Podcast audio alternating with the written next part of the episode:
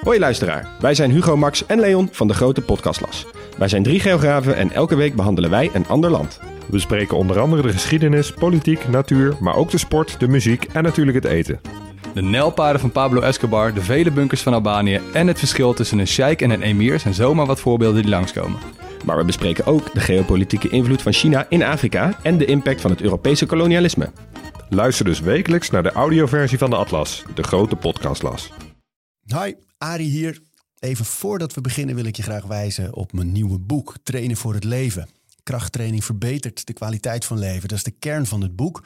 Wanneer we ouder worden, verliezen we spierkracht. Opstaan vanaf de bank, iets boven ons hoofd wegleggen, veters strikken, evenwicht bewaren, twee zware boodschappentassen tillen of een klein kind optillen. Het wordt allemaal wat moeilijker wanneer je op leeftijd raakt. Maar die alledaagse dingen, die kun je trainen. Je kunt er op elke leeftijd nog beter in worden. In dit boek deel ik de oefeningen die ik gebruik als ik mijn ouders van 80 train, steeds vanuit een praktische benadering. Wat wil je nog kunnen als je ouder wordt? Welke bewegingen heb je nodig om goed te blijven functioneren en hoe kunnen we daarvoor trainen? Een boek voor je ouders dus. Kortie Media. Dit is een serie over voeding en Ari's gast vandaag is Nienke van Overveld. Ze draait al jaren mee in de top van het Nederlandse CrossFit. En geen crossfitter ging vaker naar de wereldkampioenschappen dan zij. En dat doet ze dus allemaal op een plantaardig dieet. Daarom een gesprek over eten als een topsporter.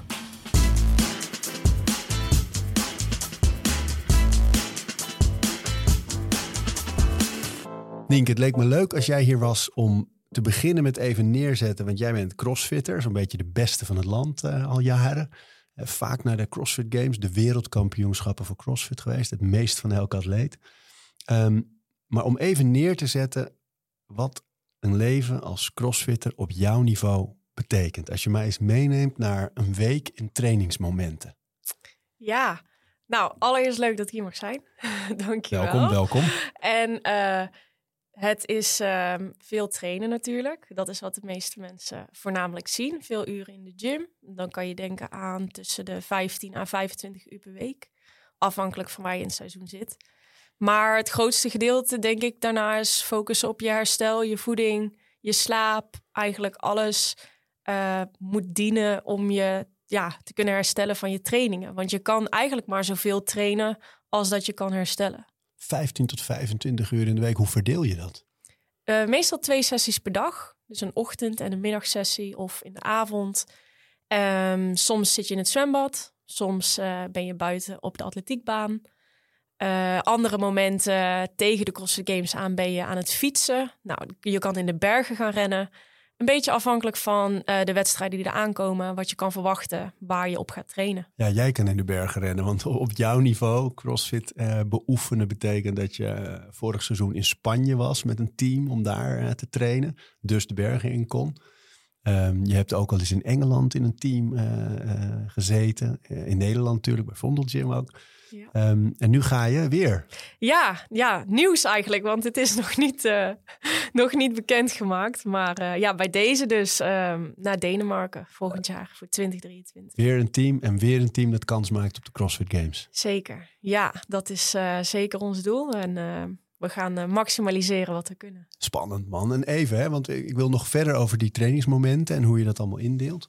Maar Even voor wie niet weet. Want, want, als ik CrossFit noem ergens, krijg ik toch nog wel vaak de vraag: oh, zijn dat die, die CrossFit trainers, die cross trainers? Weet je, daar denken mensen aan. Of ze weten eigenlijk niet zo goed wat ze erbij voor moeten stellen.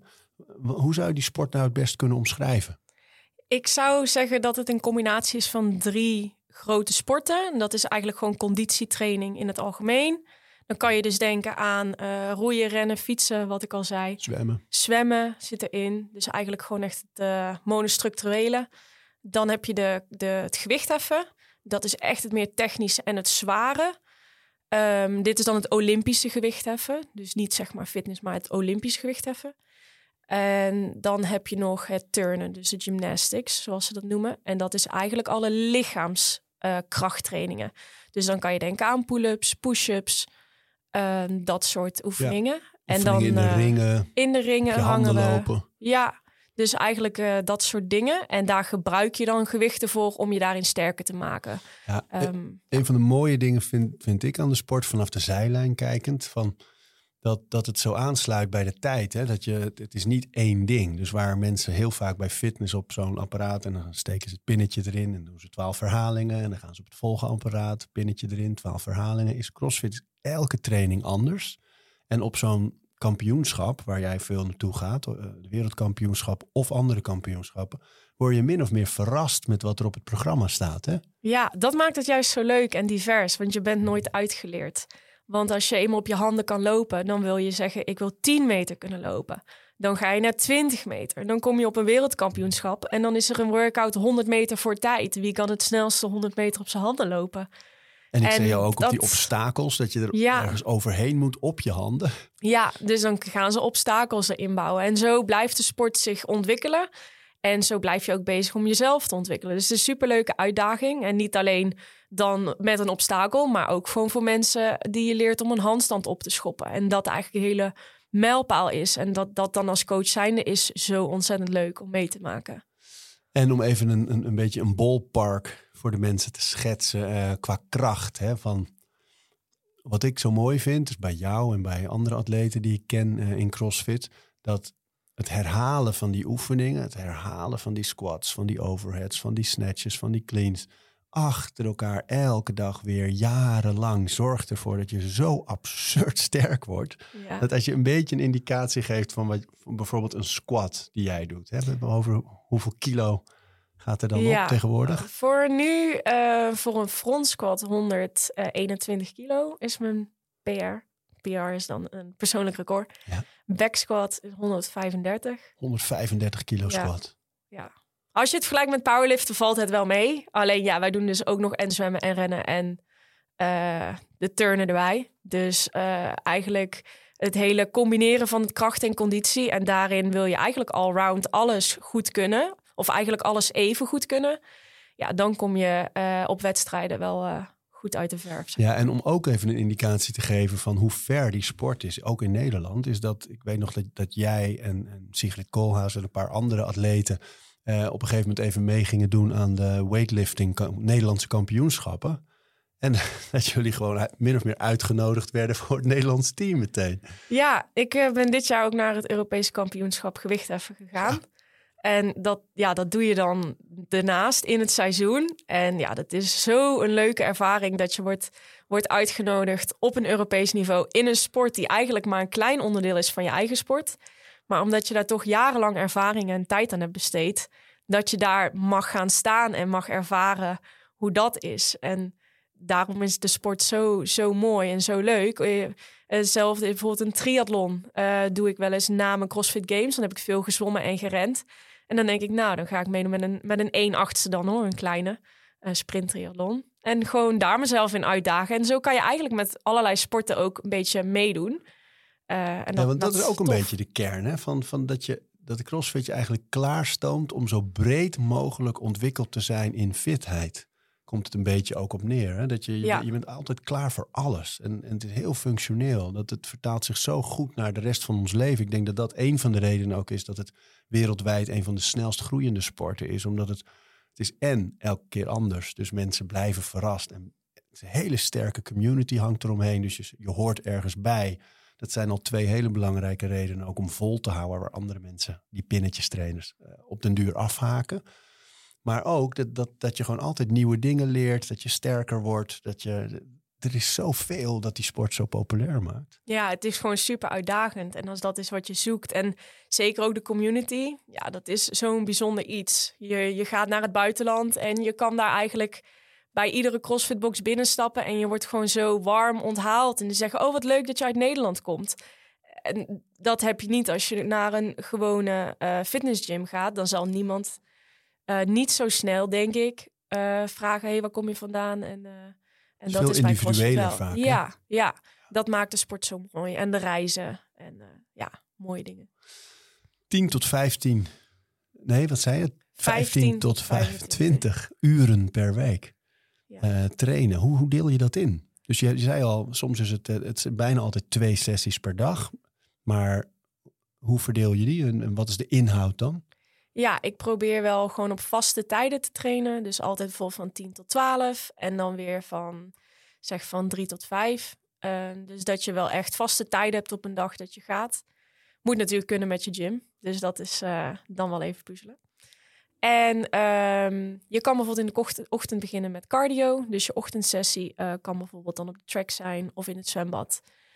En dan in de middag dan ga je naar de gym en dan pak je bijvoorbeeld je krachtstukje of je, je weightlifting stukje. En dan doe je dat. Het is heel erg afhankelijk van wat voor programma je volgt. Of dit allemaal gemixt is uh, of juist allemaal apart. Omdat CrossFit eigenlijk zoveel wegen naar Rome biedt. Uh, is er ook altijd wel ja, iets. Iedereen doet wel iets anders. En um, dat maakt het juist ook leuk om te volgen. Wat past het beste bij mij? En uh, het leukste is als je met mensen mee kan trainen. Uh, samen is het altijd leuker dan, dan alleen. En dan werk, werk je die 15 tot 25 uren per week, elke week weer. Dat, je zei al, het belangrijkste wordt eigenlijk het herstel, de voeding, de rust.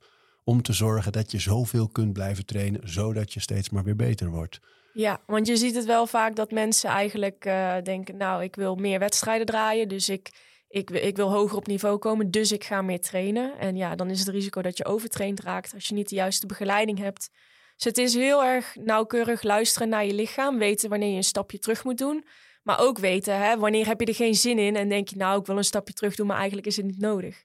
Dus het is, er is een hele fijne lijn tussen wat het beste is en dat is echt heel persoonlijk. Dat is iets wat je denk ik over de jaren heel erg leert. Soms less is more. Want als jij niet herstelt van je sessie, ben je en je tijd kwijt en je hebt meer stress ervan en je herstelt er niet van. Dus je hebt eigenlijk je werpt de vruchten niet vanaf. Ja, dan is het super zonde. Ik heb je natuurlijk vooral ook uitgenodigd in deze serie, omdat ik dacht, wij krijgen heel vaak de vraag hier, maar ik krijg hem ook vaak in de vragenrondjes van, is het mogelijk om plantaardig echt intensief te leven en te sporten? En dan noem ik heel vaak jou als voorbeeld van ja, dat is mogelijk. Je kan topsport bedrijven. Er zijn nou, Game Changers, de docu, uh, komt meteen uh, naar boven drijven als het gaat over topsport beleven. En helemaal plant-based. Ik heb een broer die marathons rent op planten. Um, dus het kan. Maar het leek me zo leuk om met jou eens, nu weten we dat je ontzettend veel traint en al jarenlang aan de top uh, draait. Maar hoe eet jij? En hoe zorg je ervoor dat je genoeg calorieën en genoeg proteïne binnenkrijgt om dat leven aan te kunnen. En dan houden we er rekening mee in ons gesprek dat niet iedereen 15 tot 25 uur per week gaat trainen. Maar dat je wel kan weten, oké, als je plantaardig wil leven, let hierop, let daarop. Zo kun je dit, zo doe je dat. De tips en tricks. En ik weet dat je een fantastisch boek ook hebt gemaakt met heel veel recepten en achtergronden. Dus haal die er gerust allemaal bij. Ja, uh, ik vergelijk het altijd eigenlijk gewoon met, met iemand die eigenlijk dus gewoon alles eet. Je hebt altijd heel erg gewoontes en recepten die je herhaalt. En zo is dat ook als je plantaardig gaat eten. Je zorgt dat je eigenlijk dus, wat ik dus in mijn receptenboek heb, allemaal recepten opgeschreven. En daaruit kies ik eigenlijk wat wil ik die dag eten. En dan weet ik wat er dus in die maaltijd zit. Dus dan weet ik wat ik aan eiwitten, aan calorieën binnenkrijg. En uh, over het algemeen moet je veel eten als plantaardig zijnde, omdat je natuurlijk heel veel volume zijn. Ja, de calorieën zijn iets minder dens, dus je moet meer eten om dezelfde calorieën te krijgen. Dus dat kan wel eens uh, voor mensen die al struggelen om genoeg te eten.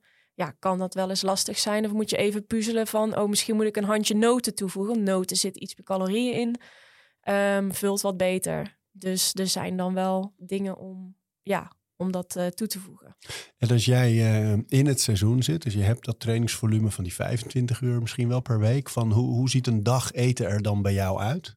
Ja, ik neem sowieso altijd eten mee. Dus dat bereid ik in de ochtend voor als ik mijn ontbijt heb. Ik eet meestal uh, tofu scramble, omdat ik het gewoon ontzettend lekker vind. Het lijkt een beetje op ei als je er edelgistvlokken bij doet.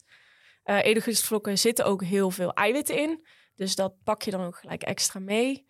Um, dat neem ik dan als ontbijt. En dan zorg ik dat ik um, bijvoorbeeld humus heb gemaakt om mee te nemen. Zelfgemaakt humus zit minder vet in, net als in een supermarkt. Als je het koopt, bewerkt voedsel, wat je uh, natuurlijk liever zoveel mogelijk wil vermijden. Uh, dat kan je meenemen op, uh, op crackers of op boterhammen. Dus je zorgt dat je altijd eigenlijk iets bij hebt, omdat je ook niet zo makkelijk overal maar wat kan eten. En het, het vervelendste is natuurlijk als je aan het trainen bent voor iets en je, je eet niet voldoende om te herstellen. Zoals bijvoorbeeld bij mij dan heel belangrijk is. Maar hoe bepaal je dat? Van, van, van ik hou dan bijvoorbeeld, ik heb zo'n tracker, zo'n Aura Ring. Dus ik weet ongeveer hoeveel calorieën ik verbrand per dag. Maar ik hou niet bij hoeveel calorieën ik eet. Ik weet wel dat ik in mijn leven, met ook best veel trainingsmomenten, ehm, wel altijd uit moet kijken dat ik niet te veel afval. Ja. Genoeg eet om, om spierontwikkeling te houden en een beetje op gewicht te blijven. Maar hoe, hoe bepaal jij, weet jij hoeveel calorieën je verbrandt per dag? Ik eet ongeveer 3000 calorieën. Dat is mijn, mijn streef, uh, streefgetal. En dat trek ik een paar keer per jaar, houd ik bij met de recepten die ik dus eigenlijk een beetje standaard eet. Uh, of ik daaraan kom. En als ik dat weet, dan hoef ik dat niet iedere dag te herhalen. Want ik hou er ook niet van om dat altijd maar te trekken. En altijd maar bewust te zijn van heb ik genoeg of te weinig gegeten. Je wilt het wel op een natuurlijke manier aanvoelen aan je lichaam van misschien moet ik nog wat eten. Um, dus dat is echt iets op gevoel. En daarvoor gebruik je dan wel een methode. Ik gebruik dan MyFitnessPal. Om, om te kijken hoeveel calorieën krijg ik eh, binnen en wat gebeurt er met mijn gewicht. Dus je houdt wel eventjes je gewicht bij. Voor zeg een week of twee doe ik dat. En dan na twee weken heb ik ongeveer wel van alles gegeten en de recepten die ik gebruik. En dan weet ik wel wat ik moet combineren om aan die calorieën te komen. Of wat ik nog kan eten in de avond als ik die dag uh, minder eiwitten heb gegeten. Of uh, nog vetten nodig heb. Dan pak ik een, boterham met avocado. Uh, dat soort dingen. Dus dan, dan leer je wel vanzelf eigenlijk aan te voelen van... oh ja, ik kan nog wat meer vetten of eiwitten of uh, überhaupt gewoon calorieën. Ja, want als je daarnaar kijkt, hè, van nu noem je een paar dingen. Van, uh, wat zijn de dingen die jij binnen wil krijgen als je veel sport? Um, voornamelijk koolhydraten. Omdat ik echt heel erg merk als ik te weinig koolhydraten eet, dan zit ik laag in mijn energie. En dan sport ik niet zo lekker. Dan haal ik niet maximaal uit mijn training. Daarnaast zou ik zeggen mijn eiwitten. Uh, ik pak dus vaak een eiwitshake, of eigenlijk altijd wel na mijn training. Uh, omdat ik dan ook snel um, ja, extra maaltijden meer, veel moet eten. Dus makkelijk mijn calorieën binnenkrijg. En um, ja, mijn vetten, die kom je eigenlijk als plantaardig. Als je plantaardig gaat eten, kom je wel makkelijker aan. Want je eet avocado, je eet misschien uh, lijnzaad, eet ik iedere ochtend. Uh, kan ook door je shakes bijvoorbeeld. Uh, hennepzaad, zit ook heel veel eiwitten in. Dat soort dingen, ja, aan je vetten kom je wel best wel makkelijker. En nog even terug, hè, van je begint die dag, dat, zijn, dat is die tofu scramble. Dat is eigenlijk de, de, de vegan variant van scrambled eggs. Um, wat zit daar verder nog bij? Um, ik probeer altijd bij iedere maaltijd groente bij te doen. En daar zitten champignons bij mij doorheen. Dus dan ja, probeer ik eigenlijk in de ochtend gelijk al groentes mee te nemen.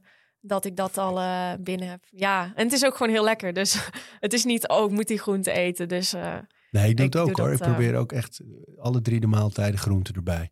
Ja. En uh, bij de kinderen probeer ik dat eruit. Dat is moeilijker natuurlijk. Maar dan maak ik wel vaak al voor ontbijt. Bijvoorbeeld uh, heb ik een spinazie shake met bevroren mango, bananen, dadel en amandelmelk. En gooi ik dan een flinke hand spinazie door. Ik vind ze heerlijk. En uh, dan hebben ze check, die spinazie al binnen. Ja. En dan geef ik mee naar school wat, wat tomaatjes of paprikaatjes of komkommer. Weet je wel. In ieder geval iets van groente. En dan s'avonds, ja, dat is wel het moeilijkst. broccoli, bimis dat soort dingen probeer ik. Dat vinden ze wel lastig vinden nog hoor. Moeilijker. Ja. ja. ik moet zeggen dat ik in uh, Spanje stond ik ook altijd bekend als op degene met die groene shake. Want in de lunch had ik altijd mijn eten uh, voorbereid. En dan had ik dus mijn, mijn uh, eiwitten in de shake van Orange Fit. En mijn spinazie en een banaan erin.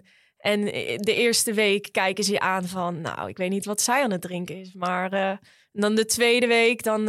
oh, ze heeft het weer. En dan, dan zeggen ze er iets van... En, Week drie is het, oh, mag ik eens proberen? En week vier is het, oh, is wel, uh, ja, uh, kan je voor mij misschien uh, ook niet wat meenemen? Of als ik mijn linzen lasagne had gemaakt als tussentrainingen door, dan is het eerst altijd even aftasten, omdat de meeste mensen niet heel erg van het plantaardige eten zijn of er een beetje een, toch een soort van afstand Vooral van in hebben. Spanje, denk ik. Zeker in Spanje. En uh, uiteindelijk uh, was ik uh, bakjes aan meal preppen voor meerdere mensen in de gym. En dat doe ik dan heel graag. En dan zijn ze alleen maar heel blij. En op verjaardagen dan, dan nam ik iets mee wat ik gemaakt had. En ja, dat vinden ze dan gewoon heel erg leuk. En ik vind het ook leuk. En dan merk je wel dat de drempel iets lager is. Van, oh, het is eigenlijk plantaardig eten is eigenlijk maar gewoon vers eten. Het is verse groenten. Het is, uh, en het kan ook lekker zijn.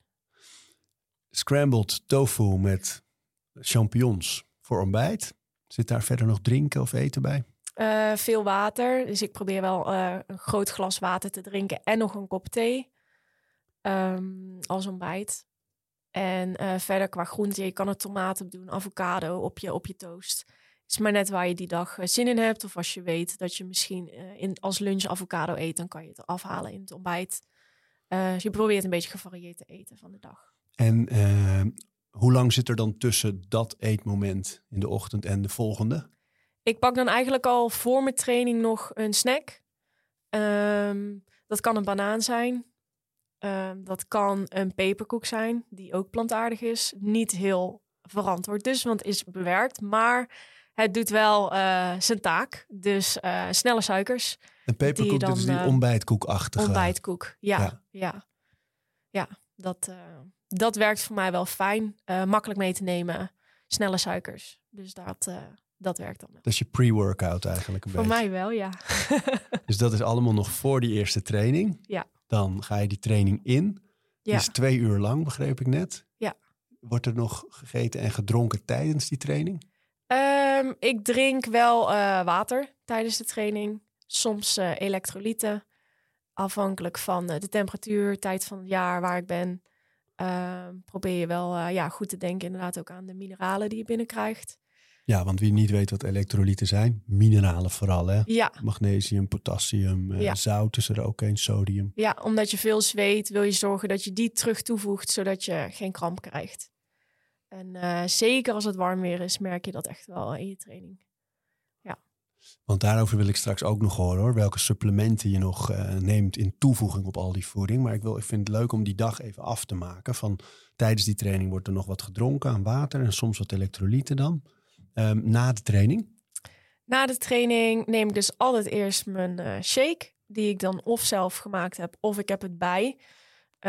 Orangefit heeft zo'n makkelijk bakje onder de shaker waarin ik het lekker Oh ja. gelijk in kan gooien. Dan hoef je niet de hele zak mee te nemen. Ja, dat zijn handige bekers. Ja, dan zit het eigenlijk al in een soort eh, dingetje. Hoef je alleen maar er- eraf te halen en erin te gieten. Hè? Dit zit onder de, de shakebeker Ja. gedraaid eigenlijk met een soort schroefdingetje. Ja, dus dat is echt eh, ideaal om, om mee te nemen. Dus dat doe ik eigenlijk dan direct na mijn training. En dan rijd ik naar huis. En dan als ik thuis kom, dan heb ik in ieder geval een klein beetje honger gestild. Want vaak ja, merk je toch wel dat je wat trek krijgt na het trainen. Want wat zit er in die shake allemaal?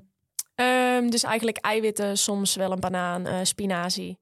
Eh, afhankelijk van hoeveel tijd ik in de ochtend had om het te blenden of niet. Ehm, dus dat ligt een beetje aan de dag. Dan ga je naar huis om te eten. Om te eten, ja. Ja, en dan eh, kan je denken aan rijst. Rijst met wokgroenten, eventueel met chilisaus. Of je kan eh, gewoon kiezen voor kruiden als je geen eh chilisaus wilt gebruiken. Kan met kikkererwten erbij in plaats van een vleesvervanger. Kan ook met linzen. Ehm, dat soort producten kan je gebruiken dan als, als lunch. En waarom die kruiden? Die kruiden gewoon om het lekker te maken. Ja, ja. Dus als je van eh chilivlokken houdt, iets pittiger, is dat vind, ja, is heel lekker. Ehm, of Italiaanse kruiden als je meer eh, in die richting wat zoekt.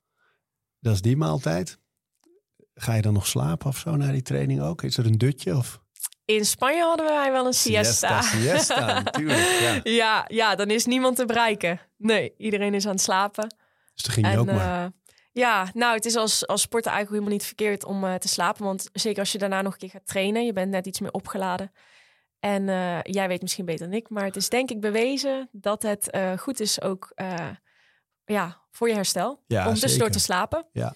Ik heb zelfs gehoord dat sommige mensen dat voor een wedstrijd of ja, echt letten op nog een keer slapen. Ook maakt niet uit wanneer het is op de dag. Ja, om fris te beginnen. Ja, ik weet van Pieter van de Hogeband. Die had het echt helemaal geperfectioneerd. Die sliep in totaal dan, hè, over de dag en nacht verspreid, 11 uren. Per 24 dus. Ja, Ongelooflijk lang. veel, ja. Dus die maakte al een flinke nacht. En dan zat er ook nog inderdaad tussen de trainingen door een moment. Da- daar zit wel denk ik een verschil tussen jullie met topsport en de rest van ons. Dat eh, inderdaad in de wetenschap zeggen ze wel 20 minuten non-sleep eh, rest. Dus dat je niet echt in die diepe slaap Ja, of remslaap precies. komt. Een dutje. En ik hoorde een slaapwetenschapper dat laatst een sleutelslaapje noemen. En, toen- en toen legde hij uit dat ze vroeger, ehm, ehm, in de middeleeuwen en zo, echt vroeger, vroeger, vroeger, eh, gingen slapen met hun sleutelbos in de hand. Ja. En als ze dan te diep gingen sliepen, dan viel die sleutel op de grond. En dan werden ze daar wakker van. En dat was ongeveer 20 minuten. Dus daar is die term sleutelslaapje Oh, op gebaseerd. Ja. En dat is dus al voldoende dat je gewoon je ogen dicht doet en eh, je ademhaling wordt wat rustiger. Dan hoef je niet eens echt te slapen, maar dat doet al echt wonderen voor, eh, voor je herstel en je rust. Het enige waar je dan wel echt op moet letten is dat het niet te dicht op de avond zit. Dus Ja, want dan- liever niet na tweeën, maar zo eh, ongeveer zeven uur na opstaan is die ideaal. Ja. ja, zeker. Ja, dat is echt wel, eh, wel heel fijn. Alleen ja, soms word je fris wakker, soms word je iets minder fris wakker. En dan moet je wel even de knop omzetten van... Ja. eh, als je misschien inderdaad net iets te diep in je slaap komt... ja, dan word je toch iets minder fijn wakker. Ja, dan moet je toch nog wel naar die gym. Dus dan moet je wel even de knop omzetten. En eet je, doe je dat ook met voeding of is dat gewoon mentaal? Het Ehm, omzetten van die knop. Ehm, nee, dat gaat automatisch. Dat zijn gewoon gewoontes die je erin bouwt. Ehm, dus dan is automatisme. Je hebt die maaltijd, je hebt eventueel dat, dat dutje, dat rustmoment gehad. En dan wordt er dus weer getraind. Ja, wordt er weer getraind, neem ik weer een snack mee. En wat is die Eh, snack? Die snack, dat kan weer een banaan zijn of een ander soort fruit. Een appel, een peer, een kiwi. Eh, vaak fruit voor de snelle suikers. Ehm, of eh, zelfs gewoon een rijstwafel of een, een, een cracker. Iets, ja, iets wat je makkelijk wegeet, wat je makkelijk mee kan nemen. Wat je niet echt hoeft voor te bereiden. Want dat is toch vaak wel waar mensen en ook ik niet op zitten wachten. Om altijd maar alles voor te bereiden en te preppen. En de hele koelkast staat vol. En ja, dat kan soms gewoon wel eens lastig zijn. Ja. Weer een training van Ja. eh, een uur of anderhalf uur of twee zelfs. Ehm, en dan meteen weer een shake erachteraan. kan. Ligt eraan waar ik in het seizoen zit, hoeveel calorieën ik binnen moet krijgen. Ik gebruik ook wel eens eh, dan de Orange Fit Hero. Dat is eigenlijk met calorieën erin al. Dus dat is een maaltijdshake. Dus dan heb je en je eiwitten, maar ook gelijk je, je koolhydraten die je opnieuw aanvult. Want als je dus sport, dan verbrand je je koolhydraten, je glycogeenvoorraden. Dus dat wil je terug aanvullen. Dus dat gebruik ik dan wel eens. Maar dat is echt afhankelijk van hoeveel calorieën ik nodig heb. Als ik echt in de moeite heb om genoeg te eten, dan kan ik wel zo'n shake pakken. Maar dat is dan meer ehm, ja, als eh, noodoplossing. Of als ik on the road ben en ik weet gewoon eh, dat het moeilijk is.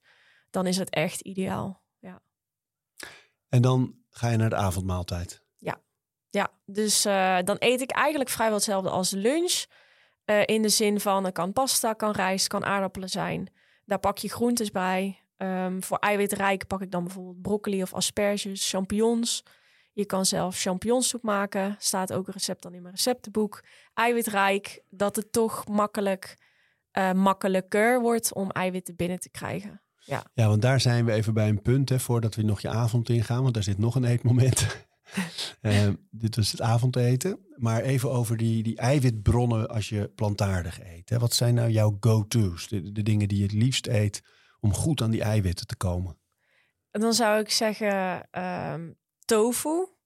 Eh, ik weet niet of je dat vindt onder bewerkt of onbewerkt voedsel. Dat is natuurlijk een, een eh, lastige vraag, denk ik dan. Ehm, dus je kan tofu pakken, maar ook kikkererwten, linzen. Je kan linzen vaak vervangen met gehakt, zeg maar. Dan pak je linzen. Je kan kikkererwten pakken in plaats van kip. Eh, omdat het dan een beetje in dezelfde gerechten wel past vaak. Ehm, en dan in noten zitten ook eh, eiwitten. Dus walnoten, lijnzaad, hennepzaad gebruik ik door mijn humus. humus want eh, daar zitten extra eiwitten in. En dan krijgt het net even iets meer een romige structuur van. Ehm edelgisvlokken, zoals ik al zei, wat ik door mijn eh, scrambled tofu gebruik. Daar zit eiwit in. En dat kan je eigenlijk gebruiken als vervanger van kaas, van parmezaanse kaas. Dus ook over je pasta of over een salade kan je edelgisvlokken eh, strooien. En door soep om het iets dikker te maken. Dat soort ja, producten kan je voor eiwitten pakken. Trucs. Dus ja, Ja, ja want die, die verschilt nogal. Hè? Dus als je zoveel sport, denk ik dat je echt wel rond, dat jij rond de 2, 2,5 gram per kilo lichaamsgewicht misschien wel zit aan eiwitten. ja ik eet minimaal, is mijn streef eh, twee. Ja, ja. Ja, eh, ik merk dat meer bij mij niet beter was. Eh, want dan merk je eh, dus wel, en dat denk ik dat iedereen wel vaak wel heeft, heeft gehad. Als je echt veel eiwit gaat eten, dan gaat je zweet dus naruiken. En dat merkte ik dus echt dat als ik meer dan 2 gram per lichaamsgewicht, dus ik weeg zeg nu eh 63 kilo ongeveer, dan moet ik dus 126 gram aan eiwitten eten op een dag. En als ik daar echt flink overheen ging, en dan heb ik bijvoorbeeld over 150 gram, dus dan zit je op die 2,5 dan eh, werkte dat voor mij helemaal niet. Werd ik ook heel sloom van, zat niet lekker in mijn vel. Eh, dus dan merk je dat wel van, dat is gewoon echt te veel, te veel geforceerd eh, die eiwitten innemen, wat dan dus niet, niet meer positief werkte. 63 kilo en dan 135 kilo squatten. Ja, dat bouw je wel op. Ja, dat doe je ja. niet van de de andere Nee, tuurlijk. Maar man, man, man, man, man. Dat zijn je favoriete eiwitbronnen eigenlijk, hè? En die vul je dus aan met shakes.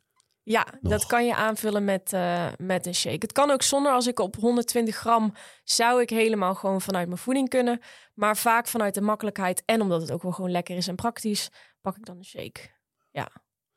Ehm, na die avondmaaltijd, soms train je nog s'avonds ook, hè? Ja, Ehm, maar waar zit op die avond nog een keer die, dat laatste eetmoment? ik eet altijd nog wel iets van eh, yoghurt.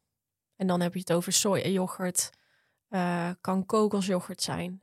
Beetje afhankelijk van wat ik dan die dag nog... Als ik vetten nodig heb, eet ik eerder kokosyoghurt. Als ik meer eiwitten nodig heb, pak ik eerder sojayoghurt. Want er zit wat minder vet in. En hoe weet je dat? Of je, dat je nog vetten nodig hebt, bijvoorbeeld? Ehm, ja, dat, dat leer je dan door een keer het te tracken. Dus bijvoorbeeld met MyFitnessPal te kijken. En dan weet je wel een beetje op een dag. eh, als ik een hele avocado die dag heb gegeten, dan weet ik nou, dan heb ik al best wel wat vetten binnen. Als ik eh, extra walnoten eh, in mijn avondeten in mijn, of in mijn eh, yoghurt kan gooien in de avond, dan kan ik het zo dus nog aanvullen. Dus ehm, het is maar net wat ik dus wel weet aan noten zijn vetten. dat soort dingen. Boterhammen zijn veel koolhydraten, maar ook alweer wat eiwitten. Zo leer je het wel door eigenlijk gewoon eigenlijk maar twee weken eventjes je te focussen op, op het eten bijhouden. Ehm, wat je eigenlijk aan een dag eet. En dan hoef je echt niet het hele jaar iedere dag je eten bij te houden. We hadden het al even over je favoriete eiwitbronnen aan, eh, aan groentes. Ehm, en koolhydraten. Want je hebt rijst genoemd, aardappelen, brood. Zijn er nog andere bronnen? En tofu. Ja, Bronnen waarvan je zegt dat dat is eh, eentje die ik graag pak om extra koolhydraten binnen te krijgen. Eh, pasta. Pasta kan natuurlijk ook. lasagne kan je maken. Eh, risotto. Je hebt heel veel soorten rijst en heel veel soorten pasta. Eigenlijk als je echt in de winkel gaat kijken. We zijn natuurlijk gewoon vaak witte rijst gewend. En eh, normale aardappelen. Maar je hebt ook zoete aardappel. Je hebt ook eh, inderdaad risotto rijst. Je hebt andere soorten eh, pasta varianten. Je hebt bijvoorbeeld dingen als orzo. Eh, dingen die eigenlijk minder bekend zijn. Eh, tegenwoordig heb je ook linzenpasta. Dus dan zou je zeggen, kan het nog een beetje variatie. En zo, eigenlijk als je in de supermarkt gaat kijken, staan er heel veel producten met veel eiwitten. Die niet heel makkelijk standaard gepakt worden, maar die je wel heel makkelijk kan vervangen. Maar en, en noem eens dat, dat het orzo bijvoorbeeld. Dan pak jij dat en wat kan je daar dan mee maken? Ja, dan gooi je gewoon eh, groentes en eh kikkererwten erbij of linzen. En dan kan je er dus met kruiden kan je het eh, pittig maken of zoet of meer Italiaans of meer Oosters. En eh, ja, zo kan je het eigenlijk altijd wel een beetje naar je, naar je smaak zetten van die dag. Want in jouw boek staan heel veel recepten. Hè? Omdat ik, ja, dat- dat, is heerlijk voor mensen die denken van ja, maar ik wil wel plantaardig eten. Maar wat kan ik dan allemaal eh, in, in, behalve gegrilde groenten Ja. eh, om aangereikt te krijgen? Maar Er zit heel, heel veel kruiden. Valt me steeds. Is dat echt alleen maar voor de smaak of doe je dat ook nog om andere redenen? Ehm, nee, ik gebruik wel kurkuma voor eh anti-ontstekingsremmend. Oh ja, ja. Dat wel. Maar verder van alle kruiden. Ja, en knoflook is ook wel heel goed voor je. Dus dat gebruik ik dan ook wel. Ehm, rode ui in plaats van witte ui. Rode ui is net iets, omdat het meer kleur heeft, zitten er net meer andere voedingsstoffen in. Dat soort dingen eh, gebruik ik dan eh, wel met een reden. Maar de rest is vaak ook wel gewoon voor smaak. Uiteindelijk moet het lekker zijn en te doen zijn en een gewoonte worden. En als het niet, niet lekker smaakt, ja, dan, dan wordt het toch lastig. Dat is wel het beeld nog altijd. Hè? Dat is zo grappig als je weet van vroeger als je dan vegetarisch bestelde in een restaurant, kreeg je gewoon een bord gegrilde groenten. Dat was zo'n beetje het enige. En hoe dat veranderd is. Hè? Hoe snel het is een fijne tijd om plant-based te leven, denk ik. Ja, zeker in Nederland. Dat, eh, hier is het wel eh, verder gevorderd, denk ik, dan in sommige andere plekken. In Ja. Amerika is het echt wel, als we dus naar de games gaan, eh, is het in Amerika wel echt veel lastiger. Daar is al brood vinden zonder suiker is bijna niet te doen. En dat is dan, ja, voor, voor die mensen de basis van de voeding. En daar zit eigenlijk in, de cornflakes, in de granola, alles is echt heel erg aangezoet en gezout. En wij merken dat heel erg op het moment dat je dat verschil, dat het brood daar smaakt heel anders dan het brood hier. En dan merk je pas van eh, hoe goed we het eigenlijk hier in Nederland wel hebben met de verse producten. En eh, ja, dat je in een supermarkt echt gewoon spinazie kan kopen. Nou, dat kan dan daar echt nog wel eens een probleem zijn om gewoon spinazie te vinden. Dus dan is het echt wel een, een andere missie. Dus met wedstrijden is dat wel eh, even extra nadenken en plannen. Welke gerechten kan ik maken met wat ik heb, eh, dat ik wel goed gevoed de wedstrijd inga. Want jij gebruikt best wel veel die snelle suikers. Dus voor trainingen. En dat zal op wedstrijden hetzelfde zijn. En daar gebruik je dan fruit voor. Ja. Gedroogd fruit ook, denk ik. Ja, gedroogde mango vind ik echt eh Ja, dat is tegenwoordig heel populair onder Ja. crossfitters, is me opgevallen. Ja, gedroogde mango is van alle gedroogde vruchten vind ik dat wel de lekkerste. Je kan ook dadels eten. Zijn dan niet gedroogd, maar eh, zijn wel heel lekker. Vijgen zijn ook heel lekker. En die pak je echt voor de suikers. Dus die doe je voor inspanning. Ja, voor of tijdens. Ja, en dan daarna wil je wat langzamere koolhydraten hebben. Dus dan kan je bijvoorbeeld denken aan meer bruine rijst bijvoorbeeld. Eh, witte rijst is iets sneller weer. Bruine rijst, omdat het iets meer volkoren is, eh, is wat langzamer. Dus dat zou je pakken na een training als je die dag niet meer eh, hoeft te sporten. Dus die langzame die pak je dan als de inspanning groot was. Dus als stel dat iemand bijvoorbeeld voor het eerst eh 10 kilometer gaat rennen. En ze komen thuis en ze denken, nou, nou heb ik echt iets nodig om goed te herstellen. Ja, ja, nou ik zou als je iets eh inspannends gedaan hebt, een grote wedstrijd of iets, altijd eten wat je natuurlijk lekker vindt daarna. Dat is dan wel even het belangrijkste, want dat heb je verdiend. Maar eh, na gewoon training, eh, ja, inderdaad, eh, meer de volkoren producten bijvoorbeeld. Ik ben overigens geen voedingsspecialist, gewoon alleen ervaringsdeskundige. Dus dit is gewoon echt wat ik de afgelopen zes jaar van plantaardig eten heb geleerd voor mezelf, wat voor mij werkt. Ja. Nou ja, dat is ook het fijne aan jouw boek, denk ik. Dat het heel erg jouw ervaringen en jouw visie erop zijn. Maar ik weet dat je doodgegooid wordt met vragen van mensen over eten. Ja. En omdat het gewoon zo... Er heerst nog altijd rond, rond plantaardig leven van dat, dat je niet genoeg proteïne binnenkrijgt. En dat het moeilijk is om aan je koolhydraten te komen. En eh, wat zeg jij nou op zo'n vraag als je die krijgt? Ja, ik probeer mensen altijd wel eh, te helpen. Afhankelijk van natuurlijk hoe uitgebreid de vraag het is. Want op de vraag van ja, wat eet jij? Dat krijg ik dan wel eens. Ja, dat, dat, daar kan niemand een, een makkelijk antwoord op geven in nog niet de 10, 20 zinnen. Ehm, dus dan, eh, ja, daarvoor heb ik eigenlijk dus dat boek gemaakt. Want doordat die vraag zo vaak kwam en ik die heel graag wilde beantwoorden, maar ik wist niet hoe, eh, in, in een kleine Instagram-post of in een, in een DM, eh, heb ik dat boek gemaakt. En daarin kan ik wel uitgebreider eh, antwoord geven. Wat ik doe, wat de recepten zijn, wat er precies in het recept zit.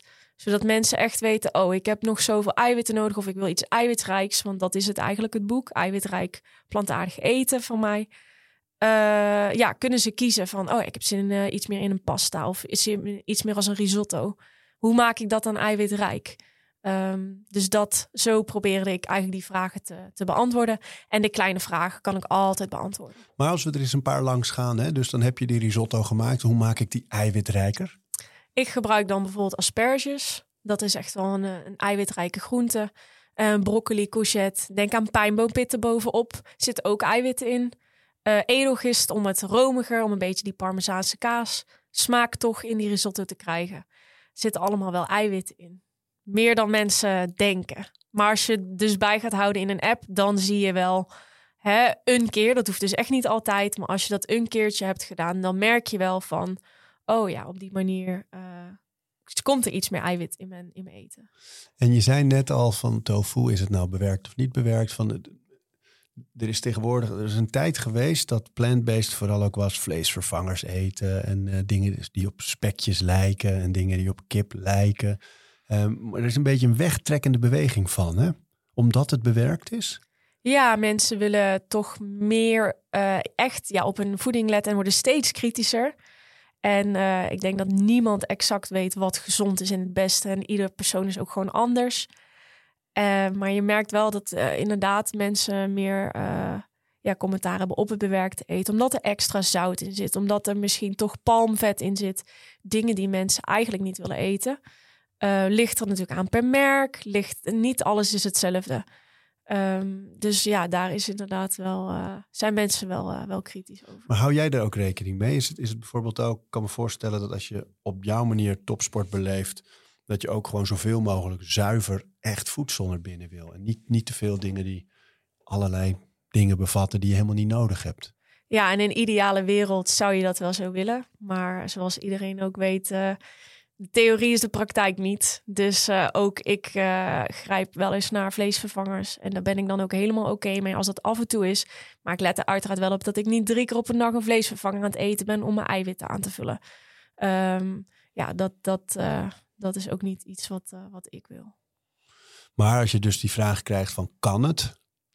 Het kan zeker, ja, ja. Alleen het moet wel een gewoonte worden om het houdbaar te houden. En als je het niet als gewoonte ingebouwd krijgt ja, dan wordt het natuurlijk lastig. Maar waarom willen ze een weg? Dus uh, wat dat betreft kan alles. En, en je krijgt vaak wel het verwijt als plant-based uh, sporter, merk ik, aan andere plant-based sporters ook, dat je het minder goed opneemt. Dat je proteïne minder, plantaardige proteïne minder goed opneemt. Weet je daar iets over?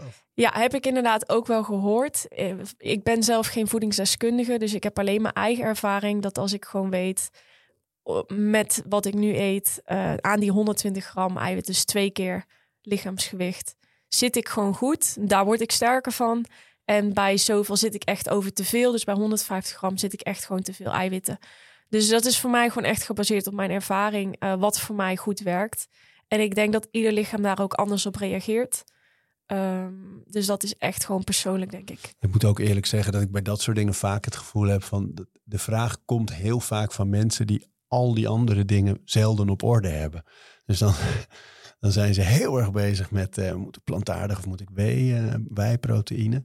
Maar dan slapen ze zes uurtjes of uh, hebben heel veel stress in hun leven of trainen onregelmatig en niet op een programmering. Weet je, dan denk ik oké.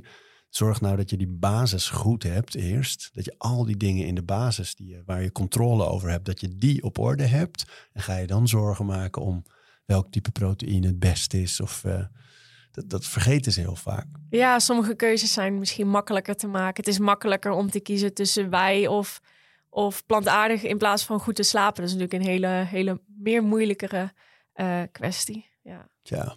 Ja, dat is niet makkelijk. Is er een verschil bij jou als je niet in het seizoen zit? Ga je dan naar beneden in calorieën of, of in proteïne? Ja, zeker. Als ik uh, ja, eigenlijk niet echt naar het seizoen of niet in het seizoen. En het seizoen is eigenlijk vanaf januari tot augustus. Lang hè? Ja, het is een lang seizoen. Uh, maar het piekmoment is eigenlijk pas in mei. Dan is de halve finale en daarin kwalificeer je voor het wereldkampioenschap of niet, voor de CrossFit Games.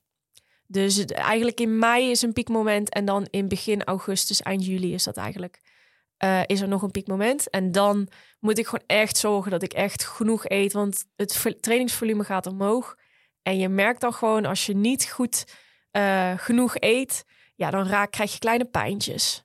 Dan, dan slaap je minder. En je merkt gewoon dat dan echt al die kleine procenten zo belangrijk zijn om op orde te hebben. Daar wil ik het ook nog met je over hebben. Van inderdaad uh, pijntjes, blessures, ontstekingen en wat je daarvoor eet. Je noemde al kurkuma, dat, je, dat is een ontstekingsremmend uh, kruid. Ja. Uh, zijn er andere dingen nog die jij neemt om te ja, eigenlijk blessureleed te voorkomen of te verzachten? Ja, ik, um, ik heb dan, ik gebruik ook omega 3.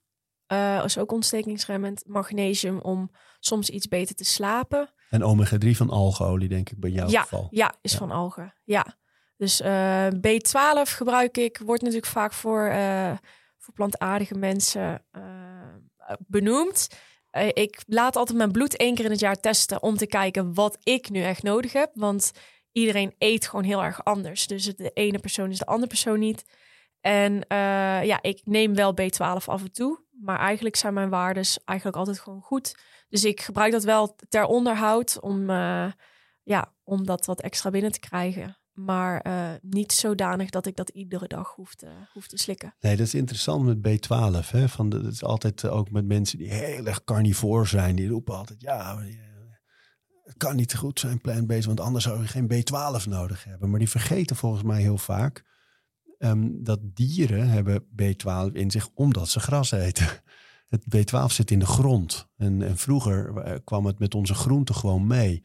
En ik, ik, heb laatst een theorie gehoord dat de reden dat wij het nu uh, moeten uh, als supplement moeten nemen, ook als je wel vlees eet, maar niet heel vaak, um, dat het verstandig is om het als supplement bij te nemen, is omdat het niet meer op onze groenten zit. Want kijk eens op een zak groenten in de supermarkt, staat er zo zelfs, zelfs op het pak vijf keer gewassen, bijvoorbeeld. Of het wordt zo grondig schoongemaakt dat die B12 gewoon helemaal geen factor meer is in die groenten. Terwijl als ik bij ons thuis een, radijs uit de grond trek en ik eet hem ongewassen op, dan weet ik zeker dat er wel een beetje B12 meekomt.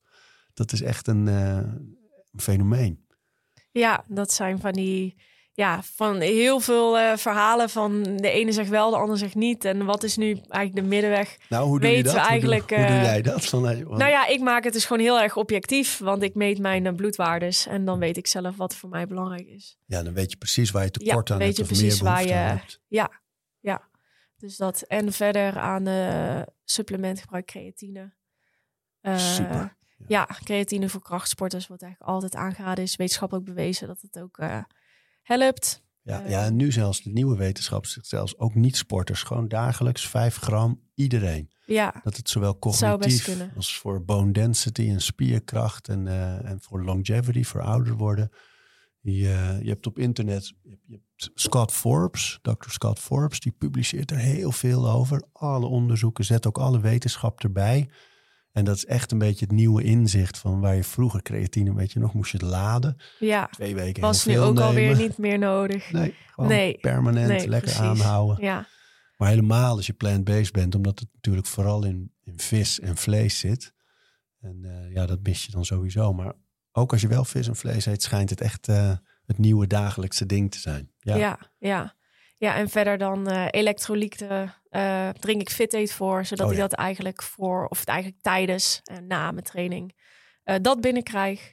En ehm, voor het sporten, wat misschien niet iedereen gebruikt, eh beta-alanine. Oh ja, dat helpt heel erg om je lactaat uit te stellen. Dus eigenlijk die, die drempelwaarde waarin je die verzuring voelt, die probeer je daarmee iets op te hogen. ja een beetje die tintelende... Ja, sensatie ja niet, dat, sommige mensen vinden het fijn, andere mensen vinden het minder fijn. Maar eh, dat is inderdaad ook wel iets wat bewezen is, wat werkt. Ehm, dus dan, eh, dan mag je dat gebruiken. inderdaad. En die beta-alanine neem je die alleen voor trainingen waarbij dat lactaat een rol speelt. Dus waar het om, om duur gaat, duursport, Eh, conditiewerk. ja, ligt een beetje aan. op een wedstrijd gebruik ik het altijd. Want iedere halve procent die ik mee kan nemen, wat het werkt, eh, die wil je hebben. Eh, in trainingen speel je er een beetje mee. Van eh, wanneer merk ik verschil? Merk ik verschil? Ehm, alleen altijd zorgen dat het dopingvrij is. Dus altijd wel iets met een keurmerk gebruiken. Zodat je echt zeker weet dat de creatine die je gebruikt, de beta-alanine, dus echt de synthetische dingen die je eh, ergens koopt, ja, dat het echt goedgekeurd is. Dat is wel belangrijk. En de magnesium, hè? Moet je, kies je nog een bepaald soort magnesium? Ehm, nee, ik eh, gebruik van Orange Fit mijn magnesium. En die werkt hartstikke goed. Daar eh, zit ik al vijf jaar. eh, gebruik ik dat. En daar ben ik tevreden over. Ja, Ja, dat is natuurlijk ook zo. Hè? Dat, dat, dat op een gegeven moment weet je gewoon, nou nu, het gaat goed. Er is ontwikkeling. Ik voel Ja. me goed. Dan klopt het. Niet te veel aan tornen. nee, Maar- als je iets vindt wat werkt, dan moet je het niet willen veranderen. Nee, maar het lijkt me zo moeilijk in jouw geval als je zo op die manier met sport bezig bent, dat het echt je leven is. En om dan in te schatten van ja, oké, maar als je iets toevoegt, kan het misschien ook weer bijdragen aan ontwikkeling. Ja, ja maar je, er zijn afweging? zoveel dingen die je nog kan toevoegen, zoals mediteren. eh, anders je, je ochtendritme. Ik heb nu eh, dat ik eh, mijn telefoon niet wil pakken voor mijn ontbijt. Dat er zijn toch eigenlijk net die 30 minuten dat ik zoveel rustiger wakker word. In plaats van de wekker gaat, ik zet mijn telefoon af, ik zet mijn vliegtuig, vliegtuigmodus eraf. En ik ga gelijk kijken wie mij een bericht heeft gestuurd. Of wacht ik 30 minuten, zodat ik even nog naar de wc ga. eh, mijn, shake ga maken. En dan eigenlijk als ik echt natuurlijk goed ben opgestart, dan pas de telefoon. En dus er zijn eigenlijk zoveel dingen, eh, ook buiten voeding, waar je echt, echt heel veel winst mee kan, eh, kan boeken. Maar ja, dat zijn gewoontes en gewoontes zijn heel moeilijk. Ja, maar het is wel waar, joh. Inderdaad, als je op die manier opstaat, sta je voor jezelf op.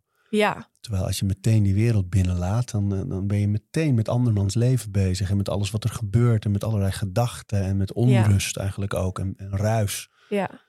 Ja, maar Ja. Je, kan je, je kan je eigenlijk niet nooit goed voorstellen hoe groot de impact is als je dat doet. Als je het niet geprobeerd hebt, hè? Nee, je merkt het pas als je het inderdaad eh, eventjes volhoudt. Wat het dan eh, betekent. Met mediteren bijvoorbeeld ook een hele grote impact. Maar eh, ja, heel moeilijk vol te houden vind ik het dan. Maar ja, het heeft wel een hele groot resultaat. Op welk moment van de dag doe je dat? Ehm, dat kan in de ochtend, dat kan in de middag. Eigenlijk op het moment waarop je eigenlijk het- hardste nodig hebt en denkt, oh, ik ben zo onrustig, dan moet je het eigenlijk doen.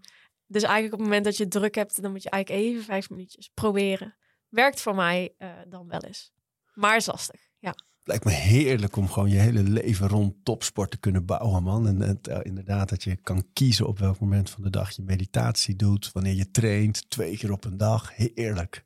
Ja, ja, het is, eh, eh, ja, het is heel fijn. Het is heel leuk om te doen. Het is wel heel intens, dus zowel fysiek als mentaal.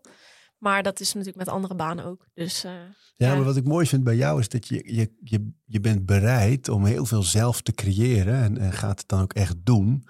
En waar anderen misschien wel wat terughoudend zijn en denken van ja, oeh, ik moet ook mijn inkomen hebben, ik moet, eh, moet, het allemaal regelen. En, en jij zet steeds die stappen. Ehm, dan ga je weg uit Nederland ineens en eh, dan ga je, ben je een tijdje in Spanje aan het trainen en, en, je doet het allemaal en het gaat goed ook. Dat is ook wel dapper eigenlijk. Hè? Je laat de veilige wegen wel een beetje achter je.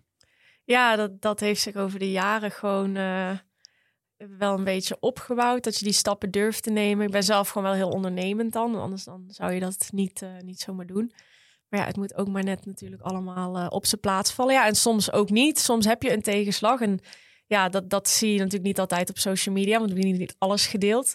Maar het is niet altijd even makkelijk om eh, ieder jaar een nieuw leven te beginnen in een nieuw land. Met een taal die je niet spreekt. Uh, maar ik vind het wel een hele uitdaging. En ik zie het altijd maar zo dat als het niet werkt, dan ben ik in een halve dag terug thuis. En dan heb ik daar mijn vrienden en mijn familie die altijd voor me klaarstaan. En dus uh, een soort van plan B is nog helemaal niet zo'n slecht plan. Dus dan is plan A altijd goed. Dus zo zie ik het maar. En uh, dan, dan zie je maar wat er gebeurt en wat je, wat je kan en wat, het, wat er uitkomt. En nu dus naar Denemarken, weer een hele mooie stap, weer het ondiepen in. Maar ik zou het voor nu niet anders willen. Totdat ik eenmaal uh, lekker in Nederland kan. Uh, en heb je zetten. ooit het gevoel dat zo'n leven als topsporter uh, een offer is ook? In het begin wel, omdat je heel veel dingen achterlaat die je ook heel leuk vindt. En op een gegeven moment wordt hetgene wat je doet, hetgene wat het allerleukste is. Maar er is altijd wel een balans nodig. Uh, ik vind mijn familie bijvoorbeeld heel belangrijk. Dus dat is wel, in dat opzicht is dat wel een offer voor mij. Om die achter te laten. Of eigenlijk ik die weggaat. En um, dan probeer ik dus vaker op en neer te komen. Want eigenlijk is het tegenwoordig zo makkelijk om te reizen. Dat afstand is niet zo afstand meer. Je kan videobellen. Uh, iedereen is altijd zo bereikbaar. Um, dus als je ja, je er zo op instelt, dan valt het verhuizen voor eventjes wel mee. Want het is altijd maar tijdelijk. Ik kom altijd weer terug. En, en zo zitten we hier. Ja, ja, en je doet wat je het allerleukst vindt om te doen natuurlijk. Ja, en nu kan het natuurlijk. Uh, want hoe ouder je wordt, hoe toch lastiger het in de, in de sport wordt. Kan zeker. Um, maar uh, ja, nu het uh, zo is opgebouwd, wil je kijken nog wat, er, wat erin zit. Ja. Tot slot, jouw favoriete recept uit het boek? Um, dat is toch mijn tofu scramble. Wat ik zei in het begin al. Ja. Tofu scramble met, met paddenstoelen? Ja, met uh, champignons zitten erin, kastanje champignons. Op een toast. Uh, soms nog met avocado tomaat. Uh, ja, die met edelgisvlokken erin. Dan is het een goede start van de dag. Smullen. Waar ja. kunnen mensen het boek vinden? Op mijn website nienkevanoveld.nl en ook via mijn Instagram, ook nienkevanoveld.nl. Kom je altijd via de link in de bio uit. eh, bij mijn boek. Nienke van Overveld.nl, dankjewel dat je er was. Dankjewel, Arie. Bedankt dat je luisterde. Elke donderdag stuur ik een mailtje met drie leuke tips. Boeken, docu's, artikelen die ik tegenkwam, producten en accounts waar ik zelf veel aan had en waarvan ik denk dat jij ze ook inspirerend vindt. Wil je dat mailtje ook graag ontvangen? Schrijf je dan in op mijn website ariboomsma.nl. Dan stuur ik je voortaan elke donderdag een mailtje met drie leuke tips.